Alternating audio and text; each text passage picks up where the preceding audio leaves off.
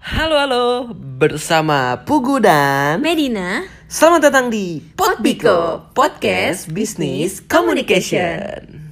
Di episode pertama kali ini, kita mau ngebahas mengenai komunikasi bisnis dalam bahasa Inggris. Apa tuh, Kak? Jadi, komunikasi bisnis merupakan setiap komunikasi yang digunakan untuk membangun partnership, sumber daya intelektual, untuk mempromosikan suatu gagasan, suatu produk, service, atau organisasi dengan sasaran untuk menciptakan nilai bagi bisnis yang dijalankan. Selain itu, komunikasi bisnis dalam bahasa Inggris adalah pertukaran informasi yang dilakukan oleh dua orang atau lebih dalam konteks berbisnis dengan menggunakan bahasa Inggris. Nah, kalau tadi kita udah dengar ya mengenai pengertian komunikasi bisnis secara simpel, sekarang ada beberapa hal nih yang harus diperhatikan, dipahami, juga dikuasai. Apa Antara aja lain, tuh? Jadi di sini terbagi menjadi dua.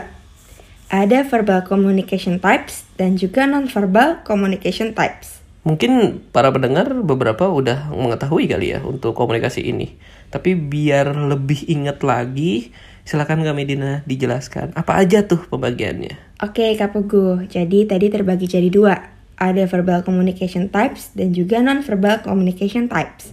Kalau verbal communication types ini ada delapan, yaitu language atau bahasa, lalu ada tone and style, nada dan gaya, lalu intonation atau intonasi, yang keempat stress atau tekanan, yang kelima parasing atau ungkapan, yang keenam pace atau kecepatan, yang ketujuh volume atau keras dan lemah suara, dan yang kedelapan pitch atau tinggi dan rendah suara. Sementara buat non-verbal communication types itu juga dibagi ada tujuh kali ini.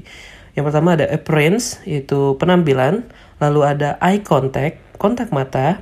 Facial expression atau ekspresi muka. Gesture, gerakan isyarat. Posture and positioning, posisi dan postur.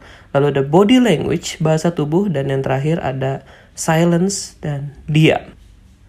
Hmm, setelah kita mengetahui dan mengerti tentang verbal dan non-verbal communication, kita juga harus bisa nih mengidentifikasi bisnis situation seperti apa yang akan kita hadapi.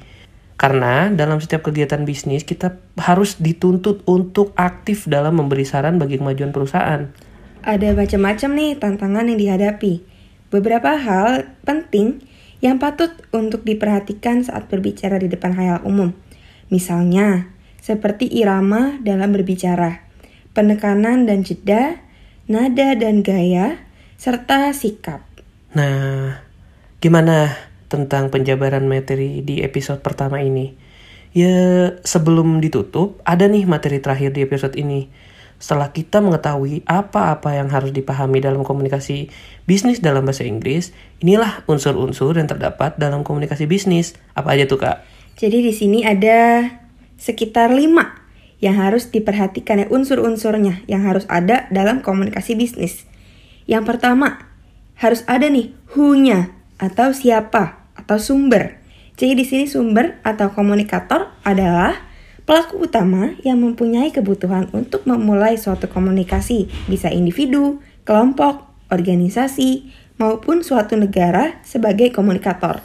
Lalu yang kedua, says what atau pesannya itu apa.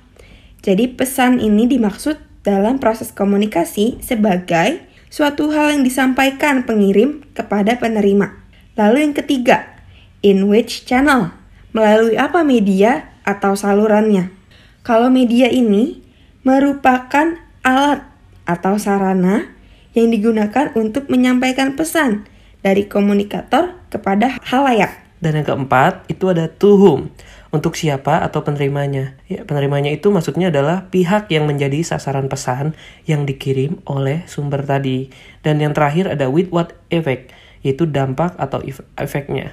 Yaitu ya perbedaan antara yang dipikirkan, dirasakan, dan dilakukan oleh penerima sebelum dan sesudah menerima pesan. Kayak gitu. Oh, jadi kita udah belajar banyak nih ya kak ya tentang komunikasi bisnis. Betul. Eh, di episode pertama ini semoga dapat membantu kalian dalam menjelaskan pengertian serta unsur-unsur yang ada dalam komunikasi bisnis dalam bahasa Inggris nih. Dan Ya. untuk materi lainnya bisa kalian dengarkan di episode selanjutnya. Jangan lupa selalu dengarkan podcast ini ya. Terima kasih telah mendengarkan. Sampai jumpa di episode lainnya. Salam Potdiko. Bye bye.